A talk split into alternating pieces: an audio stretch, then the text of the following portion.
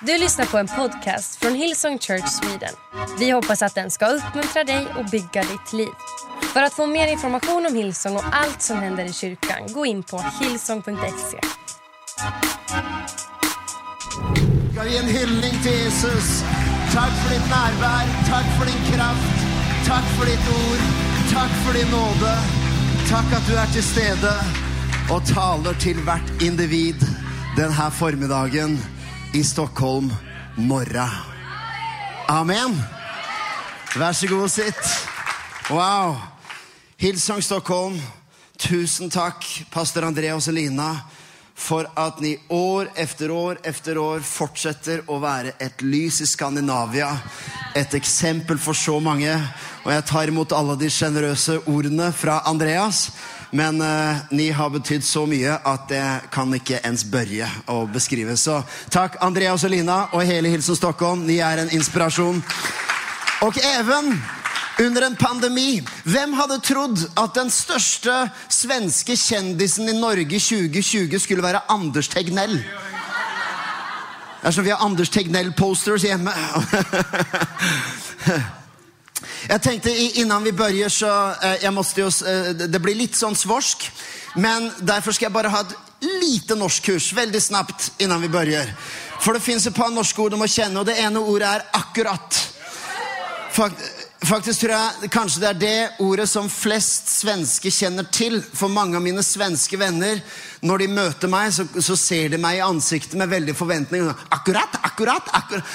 Og tror de snakker norsk. Men det betyr altså presis. Så det betyr presis det samme som, pres, som presis. Ikke sant? Det er eller hur. Eller hur? Ikke sant? Det er jo ikke logisk at du kommer med et statement, og det første du sier er ikke sant. Not true.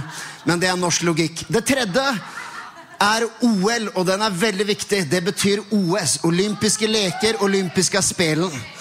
Så bare, bare som et eksempel, bare helt tilfeldig eksempel. Her har vi medaljetabellen fra sommer-OS i Tokyo. Bare, et, bare så du kan se skillnaden. Har jeg forlorat dem nå? Derfor i stedet, jeg, jeg visste du skulle reagere sånn. I stedet gir jeg en liten hyldning til det her gjenget. Og det er eh, respekt. Ok, eh, jeg har en lite tabloid tittel. Jeg skal kalle det 'Det enda som kan imponere Gud'. skal jeg tale om. Og vi vet jo, Egentlig så går det jo selvklart ikke at imponere Gud. Det er han som imponerer oss. Det er ved hans nåd og hans kraft. Men det er interessant at når Jesus går omkring, vi leser de fire evangeliene, så er det faktisk veldig sjeldent Even om Jesus elsker alle og betjener alle, så er det veldig sjeldent at Jesus blir imponert. Veldig sjelden at han sier 'Å, oh, wow, det der var hot. Det der var sterkt'. Nei, faktisk så er det heller motsatt. At alle som forsøker å imponere Jesus, de forsøkte å imponere Jesus med sin moralske historie. De forsøkte å imponere Jesus med sin kunnskap. Sin intellektuelle og teologiske kunnskap. De forsøkte å imponere Jesus med sin rettvisa og sin, sin rettferdighetssans, heter det på norsk. Their sense of righteousness. Eh, men Jesus han lot seg ikke imponere. I stedet så eksponerte han bare deres dobbeltmoral. Men jeg har funnet to tilfeller der Jesus faktisk sier 'wow'. Hva er, hva er faktoren? Hva er det som gjør at Jesus går 'det der liker jeg'? Ved både tilfellene så er det at noen kommer til Jesus ikke uforskammet, ikke arrogant, men med frimodig tro. En sånn fortroende til Jesus og sier du kan gjøre alt. En er en romersk offiser hvor Jesus er på vei hjem til, til, til hans hjem for at, eh, bota hans tjener. Og så sier denne tjeneren Jesus, det rekker at du bare sier et ord. Det rekker. Og Jesus, Gud, endrer sine planer. Han sier, jeg var på vei hjem, men nå gjør jeg det her i stedet, for det her gilder jeg. Han sier, inntil ens i Israel har jeg sett en så stor tro. Så Jesus ble forundret. Du forstår, i, i alle religioner, og i all også i humanisme, i menneskers tanke om det hellige og det religiøse, så fins det noen ting som er gemensamt.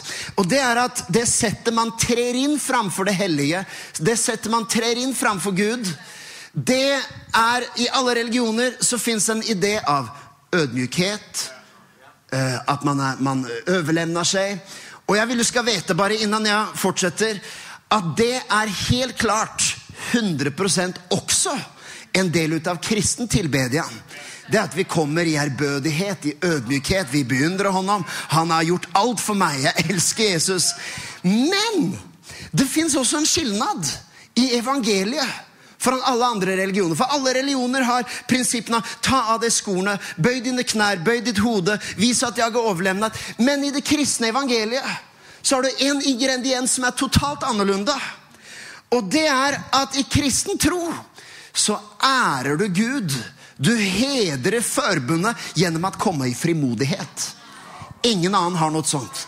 Det er kun gjennom Jesus at vi på grunn av han så sier vi jeg respekterer, jeg elsker, jeg hedrer deg, Gud, ved å stå på det her forbundet at jeg kan komme i frimodighet.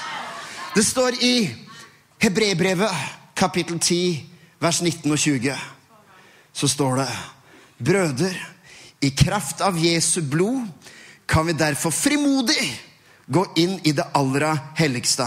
Ikke pga. vår moral, ikke pga. våre prestasjoner, ikke pga. min, min rettvise, på, men pga. Jesu blod. Så kan jeg frimodig gå. I det forbund som Jesus etablerte, et helt nytt forbund, annerledes enn all annen religion, så kommer Gud og sier at i det her forbundet så ja visst, du, du, kan knele, du kan tilbe. Det er en stor del ut av min, min lovsang er å tilbe og bøye kned. Men Gud kommer og sier at i dette forbundet, i denne troen, så ærer du meg gjennom å komme i frimodighet. I Efeserbrevet 3,12 står det i håndom og gjennom troen på håndom kan vi frimodig og trygt komme til Gud. Det var mange som forsøkte å imponere Jesus. Har du forsøkt å imponere Jesus i det siste? Kanskje hatt litt dårlig samvittighet etter pandemien. Ah, det har blitt litt, litt, mindre bønn og litt dårlige rutiner, så nå skal, jeg, nå skal jeg imponere Jesus. Vet du hva? Det er ut, It's destined to fail å prøve å imponere Jesus. Han ser rakt igjennom. Det var en, var en mann i, i, Lukas evangelium som forsøkte å imponere Jesus. En rik ung mann.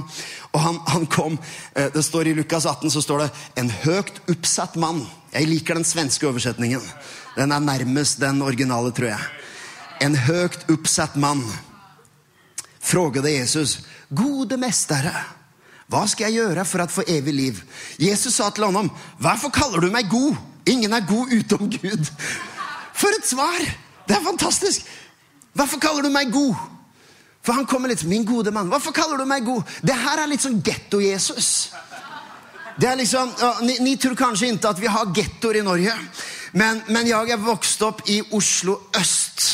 Det er det nærmeste vi kommer get, norsk getto. Og du vet, Mange som bodde der, de kan identifisere seg med den Jesus er sånn. Hvor liksom han kom, 'Min gode mann.' 'God? Hvorfor du kaller meg god?' 'Det er bare en som er god.' 'Din mor er god. Hvorfor du kaller meg god?' Din mor... Det er getto-Jesus. Hvorfor du kaller meg god? Hvorfor svarer Jesus på det her viset? Jo, for Jesus blir ikke berørt av falsk andelig ødmykhet eller ytre religiøs ødmykhet. Så det Jesus egentlig sier til denne mannen, er enten så kaller du meg god fordi du forsøker liksom bare eh, låte andelig, eller så aksepterer du det faktum at jeg er god fordi jeg er Gud. For det er bare en som er god. Så Jesus sier, 'Hvilken vil du ha?' Er jeg god fordi jeg skal være alt for deg? Eller er jeg god fordi du skal ha pynte på din andelighet lite? Jesus ser rakt igjennom. Men det fins noe annet som berører Guds hjerte. Og det fins noe i Faderens hjerte, i pappas hjerte, som, som, som, gjenkjenner og elsker at barna kommer med frimodighet. Ikke i arrogans, ikke i selvrettferdighet, men i frimodighet. Saltaren, Saltaren er det svenske navnet. På norsk heter det Salmene. Saltaren 2,8 så sier Gud, be meg. Be meg, så gir jeg hedningefolkene til arvedel og hele jorden til egendom. En annen oversetning sier, Even, begjær fra meg. desire from me. Jesus sier til eksempel også til en blind mann, hva vil du jeg skal gjøre for deg? Og jeg vet det er ganske opplagt. En blind mann. Hva vil du jeg skal gjøre for deg? Jeg vil ha en dobbel espresso. Nei, nei, han vil ha synen tilbake. Men likevel så ser du er ikke det interessant at Gud ønsker nesten å provosere fram en bekjennelse? Han sier, 'Kom med frimodighet. Si hva du behøver.' Jeg behøver synen tilbake. Det, Jesus visste hva han behøvde. Men det fins noe i Guds hjerte som elsker en atmosfære av frimodighet. For i motsetning til all annen religion så ærer vi Gud med frimodighet. Det er misforstått teologi at det er uforskammet å be Gud om noe stort. Det fins et så enormt potensial i ditt bønnerom. Denne predikan, Tittelen er altså 'Det enda som kan imponere Gud', men dette handler om frimodig tro i ditt bønneliv. For det fins et så enormt potensial. Jeg merker lite nå, liksom post koronasesong. Eh, vi svensker er jo heldige, skal jo åpne opp alt her. Det er jo fullt party. Jeg flytter til Sverige om to, to uker. Ah. Men, men, jeg kan merke kanskje lite sånn, even i kirken, en tanke om at uh, ok um, at nå har vi vært mye hemma, vi har vært i det lilla, vi har vært litt isolert, vi har vært liksom hemma og på jobb. Vi har liksom, så, så det er noe i, vår, noe i vår tankegang som har blitt lite, lite mindre. Jeg hører even noen si at ja, kanskje liksom, tiden for de store kirkene er forbi, mens nå handler det om det lilla. Jeg tror det er utrolig viktig at ikke vi endrer teologi basert på ett års sesong. For én ting vet jeg, at er det noen som elsker å tenke stort, så er det Gud. Når de i Jerusalem sa at vi skal, vi skal, nå hele Jerusalem, så sa Gud nei, helt til jordens ender. Det er Gud som har skapt kosmos og stjernene og atmosfæren, og til og med even det lille. Så vi forakter ikke det lille. Nå skal vi forstå det både og. Men én ting er sikkert, at min Gud er den samme som før pandemien. Og jeg tror det fins et enormt potensial i vårt bønnerom. Og jeg tror at det fins et eller annet Vi må liksom We, we need to stir den her frimodigheten og gutsen at våge å fråge Gud om stort. Og ikke komme med falsk andelig ødmykhet, men forstå at jeg står på det her forbundet Jesus betalte med sitt eget blod. Ikke fordi jeg er åndelig, ikke fordi jeg er religiøs, men pga. Jesus så kommer jeg med frimodighet og våger å be Gud om stort. Her finnes, la, la meg ta det gjennom noen innvendinger. Okay? For du kan tenke ja, det her låter bra, Thomas. Eh, og jeg tror virkelig at vårt bønnerom er mer enn et stelle bare for å løse mine personlige problem. Det er det også. Gud hjelp meg. Men ditt bønnerom er også et sted for å forandre verden omkring deg. Ditt bønnerom er ikke bare et sykehus, sier man det på svensk. Det, det svåreste svenske ordet jeg vet om, det er hukløterske. Det er umulig å si. Og min fru hun, hun, var, hun er utbilda høres ut som de skal kaste opp en hukløterske. Sykepleier heter det på norsk. Mye enklere. Men ditt, bønne, akkurat, ditt bønnerom er mer enn bare et sykehus for dine problem. Det er en flygeplass for ditt potensial. Det er et sted for å våge å tenke stort og fråge Gud om stort. Men, men la meg ta deg gjennom noen, innvendinger, noen skandinaviske innvendinger. Ja, Thomas, ja, det her låter litt amerikansk. Det her, her, er en fråga som noen kan tenke, og det er helt ok om det her er hva du, hva, hva du fråger i, i, i, dine tanker. For noen kan si sånn her Thomas, jo, det er flott å tenke stort og, og våge spørre Gud, både om stort og lite, frimodig tro. Men blir det ikke feil om det er jeg som tar initiativ framfor Gud? Er, er, det, er, det, ikke så at det skal være av nåde allting? Er ikke allting av håndom? Og at han, Gud, måtte være den som tar initiativ?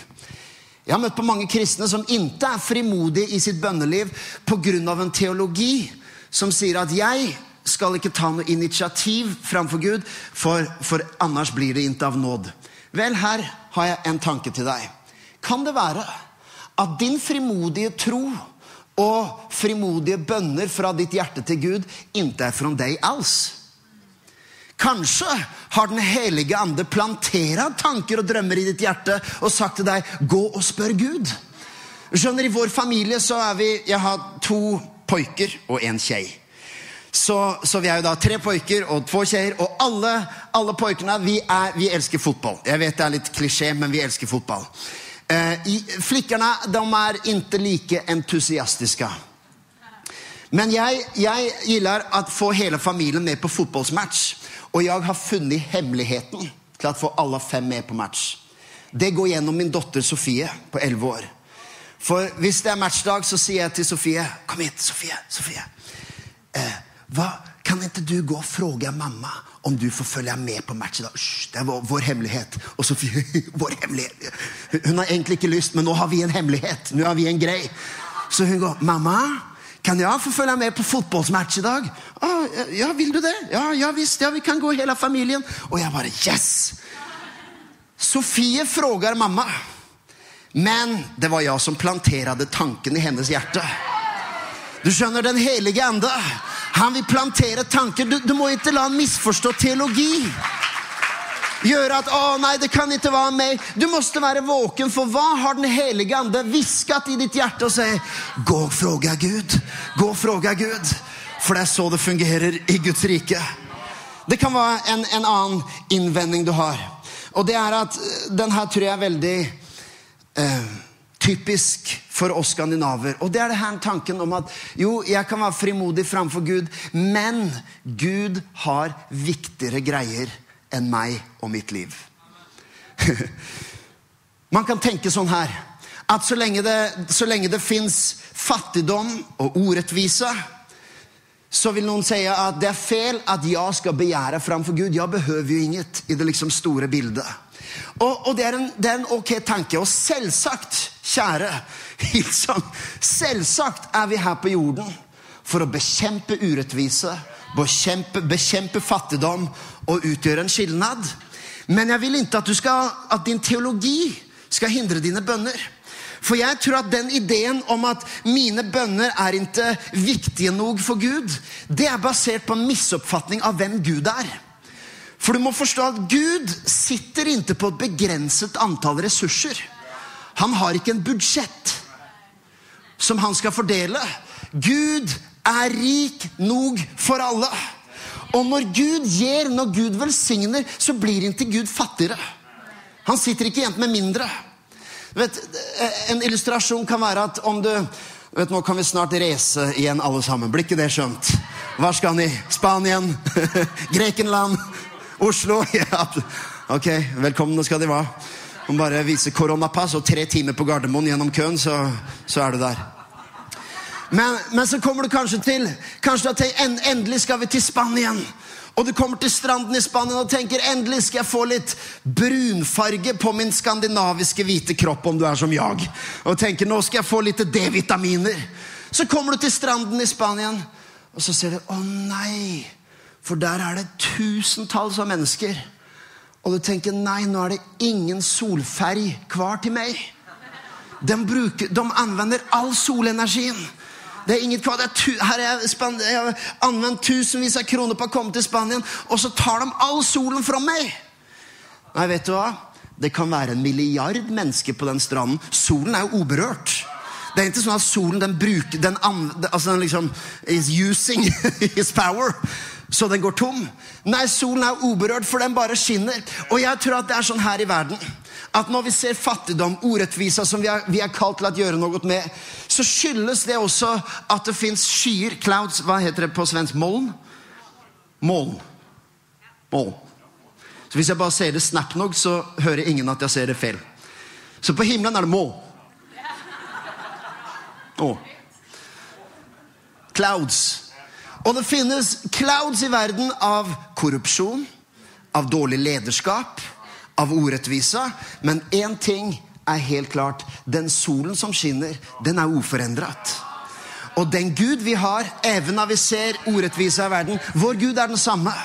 Og du måtte ikke la en misforstå teologi. Du måtte tenke en, en sånn bønn som sier Jeg skal ikke be frimodige bønner framfor Gud av et slags ytre andlikt liksom, hensyn til mennesker som jeg uansett kanskje ikke bryr meg så veldig om eller kjenner, men det blir bare en sånn moralisk liksom, selvrettferdighet at jeg kan ikke be frimodig, for jeg tenker på de fattige. Du skjønner, Hvis du blir frimodig i ditt bønneliv og begynner å forstå kraften av velsignelse som går fra Gud, kanskje du blir i stand til å utgjøre en skilnad for verden også. Kanskje det faktisk er presis det som skal til for at du kan utgjøre en skilnad. Men Gud er den samme. Gud er rik nok, og han blir ikke fattigere av å velsigne deg. Og det er ikke mindre kvar til deg om han velsigner noen annen. Nei, Gud er rik nok for alle. Jeg har, jeg har opptekt det her. Og jeg, jeg forstår at det, det, kan låte lite radikalt, men, men eh, jeg vil si det så klart og tydelig som jeg kan si det. At i mitt bønneliv Jeg skal ikke ta alle eksempler, men, men du vet det, det er de gangene hvor jeg kommer til Gud med en sånn frimodig bønn at jeg nesten skjems. Du vet, Det er litt som når, mine barn kommer til meg, og når de sier 'pappa', så ja mm, 'Kan jeg fråge om en sak?' 'Ja.' 'Jeg tror du kommer å se en øy.' Da blir jeg nyfiken. Hva kommer nå? It's something big. Og noen ganger så, så, så spør jeg hva er det og så frågar de om noe, men jeg tror du kommer å si nei.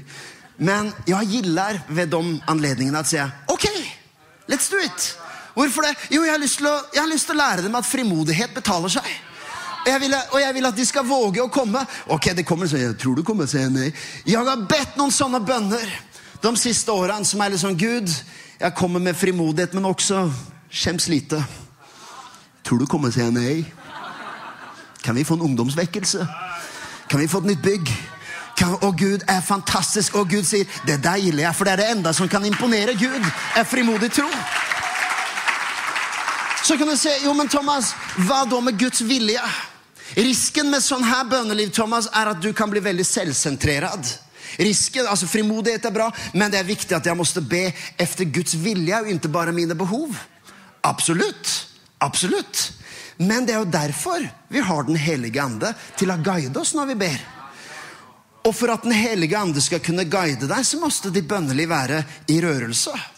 Jeg har bedt mange bønner som jeg kan bekjenne for deg at de har vært med feil motiv og feil agenda og selvsentrerad. Men jeg har også opptekt at når jeg ikke ber alls, så ber jeg åtminstone ikke etter Guds vilje.